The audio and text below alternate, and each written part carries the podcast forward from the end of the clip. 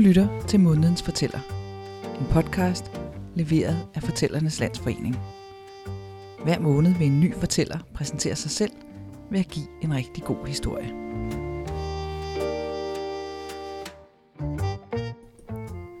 Månedens fortæller i denne måned er Lene Bjørn. Rigtig god fornøjelse. Det bankende hjerte. Hvor gammel han så end blev, så ville Jan Andersen i Skrolykke aldrig nogensinde blive træt af at fortælle om den dag, hvor hans lille pige var kommet til verden. Han var blevet vækket tidligere om morgenen og var blevet sendt afsted efter jordmoren og de andre kvindfolk, der skulle hjælpe. Men efter den tid, der havde han siddet på huggeblokken i brændeskuret hele formiddagen, ja til langt ud på eftermiddagen, uden andet at tage sig til, end at vente. Det regnede. Det regnede skummerdrenge, og det var ikke fri for, at Jan fik sin del af regnen, for det lille brændeskur havde ikke nogen dør. Og der sad han, Jan.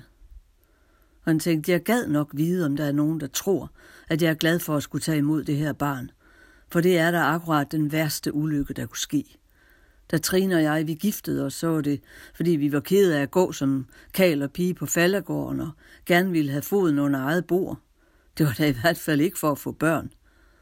Han rystede tungt på hovedet og sukkede dybt. Det er klart, at regnen og kulden og den lange kedsommelige ventetid gjorde sit til at gøre ham i dårlig humør. Men det var, det var langt fra den eneste grund. Der var alvor med hans klage. Slide og slæb, det må jeg hver dag fra morgen til aften, men hidtil har jeg da i det mindste haft fred om natten. Nu skal den unge vel ligge og skråle, så ikke jeg får søvn i øjnene. Og hidtil har vi klaret os, fordi at Trine også kunne gå på arbejde nu. Skal hun vel blive hjemme og passe barnet. Han så dystert frem for sig. Det var ligesom om han så hungersnøden komme kryvende ind over gårdspladsen, parat til at trænge ind i huset. Havde han vidst det, dengang Erik Afalla gav ham en stump jord og et par pinde til at bygge et hus med, havde han vidst, hvilke følger de ville få, så havde han hellere sagt nej tak og var blevet i staldkammeret på faldergården til sin dødsdag. Ja, og skulle der ske noget med, med barnet, da Jan var kommet dertil i sine tanker, så lød der et lille klyk på den anden side af brædvæggen, og det forstod han selvfølgelig godt, hvad det betød. Ja, sagde han. Så er det her altså, men så kan jeg vel i det mindste komme ind i min egen stue og få en smule varme i kroppen. Men ikke engang det blev ham for ondt. Han måtte sidde udenfor i endnu i time efter time. Det regnede stadigvæk, og blæsten var taget til, så det var lige så råkoldt som en novemberdag, selvom det kun var sidst i august. Og som han sad der, så var der noget andet, der faldt ham ind, som gjorde ham endnu mere mismodig. Der er tre kvindfolk derinde, for uden Trine og jordmoren. En af dem kunne så gøre sig den ulejlighed at komme ud og fortælle mig, om det blev en dreng eller en pige. Men se, om de gør. Han hørte, de gjorde ild på skorstenen, og han så, de løb til brønden efter vand, men at han fandtes, ej, det var der ikke nogen, der lod til at tænke på. Pludselig tog Jan hænderne op foran ansigtet og begyndte at rokke frem og tilbage på huggeblokken. Jan Andersson, Jan Andersson, hvad kan der dog være i vejen med dig? Hvorfor er dit liv så kummerligt? Hvorfor er du så lidet anset i sovnet? Du ved, der er dem, der er lige så fattige som dig. Der er dem, der er lige så ringe til deres arbejde, som du er. Men der er ingen, der bliver sådan overset, som du gør. Hvad kan der dog være i vejen med dig? Så nu var det ikke første gang, at Jan han stillede sig selv det spørgsmål. Men i dag, så tænkte han, at måske var det faktisk Gud og menneskene, der var uretfærdige imod ham. Og da han var kommet ind på den tankegang, så rettede han sig op der på huggeblokken og, og prøvede på at se barsk ud, sådan som han havde set Erik Afalla, gårdmanden, gøre det. Og han sagde til sig selv, hvis du nogensinde, min gode mand Jan Andersen, kommer ind i din egen stue igen, så skal du ikke så meget som se til den unge. Eller du kan også tage at gå din vej. Så kan du vise Trine og de andre kvindfolk, at du er kald for din hat.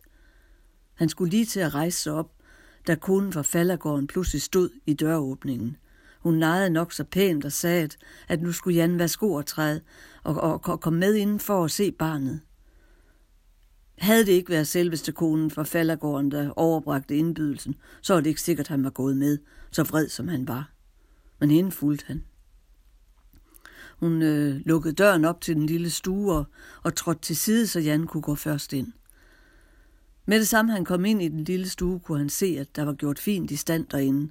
Det lille bord hen ved vinduet var dækket af en snehvid du og falderkonens porcelænskopper. Midt foran bordet, der stod jordmoren med en byld i armene. Det var ikke fri for, at han syntes, at nu var det ligesom ham, der var den vigtigste. Trine lå over i sengen og smilede mildt til ham, som om hun ville spørge om, om han nu var tilfreds med hende. Men det er ikke så nemt at blive glad igen, hvis man hele dagen har været gnævende for frossen. Så Jan blev bare stående nede ved døren, uden at sige noget. Men der tog jordmoren et skridt frem. Og større var den lille stue ikke, end at hun med det ene skridt kom helt hen til Jan og lagde bylden i armen på ham.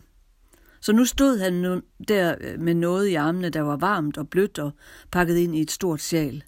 Sjalet var slået så meget til side, som man lige kunne se et, et lille rynket ansigt og to små visne hænder. Og Jan stod og tænkte på, hvad kvindfolkene egentlig havde forestillet sig. Han skulle stille op med bylden. Men da pludselig fik han et stød. Og det gav et sæt i ham, og det gav et sæt i barnet. Men han kunne ikke blive klog på, om, om det gik fra den lille pige til ham, eller fra ham til den lille pige. Men i næste øjeblik, der begyndte hans hjerte at hamre i hans bryst på en måde, som det aldrig nogensinde havde gjort før. Og i næste øjeblik igen, der var han ikke længere for frossen. Han var heller ikke bekymret eller forknyt. Ja, ikke engang gnaven. Det eneste, der ængstede ham, det var, at det sådan hamrede og bankede inden i ham. Det kunne han ikke forstå, for han havde hverken løbet eller danset eller klatret på stejle fjelle. Og han sagde til jordmoren, jeg, jeg synes, det, det banker, mit hjerte det banker så sært. Prøv lige at mærke. Og jordmoren lagde en hånd på hans bryst. Ja, det skal jeg da lige love for, Jan, sagde hun. Du har ordentlig hjertebanken. Er du syg? Har du ondt nogen steder? Nej, det havde han ikke. Ja, så kunne jordmoren ikke forstå, hvad det var, men så sagde hun, men lad da mig tage barnet for en sikkerheds skyld. Men der følte Jan, at, at barnet ville han ikke af med. Nej, sagde han, ej, lad bare mig beholde den lille tøs og der må have været et eller andet i hans blik eller hans stemme, der fornøjede kvindfolkene, for nogle af dem lå højt, og jordmoren smilede og sagde, Nå, Jan, har du aldrig holdt så meget af nogen, at dit hjerte bankede for hendes skyld? Nej, sagde Jan, nej. Og pludselig forstod han, hvad det var, der havde sat hans hjerte i gang, og det begyndte også at gå op for ham, hvad der havde været i vejen med ham hele hans liv – for den, der aldrig har mærket sit hjerte, hverken i sorg eller glæde, han kan nok ikke regnes for et rigtigt menneske.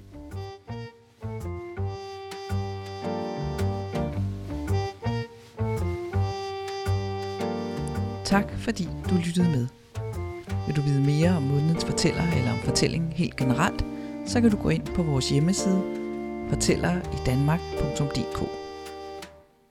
På genhør i næste måned. you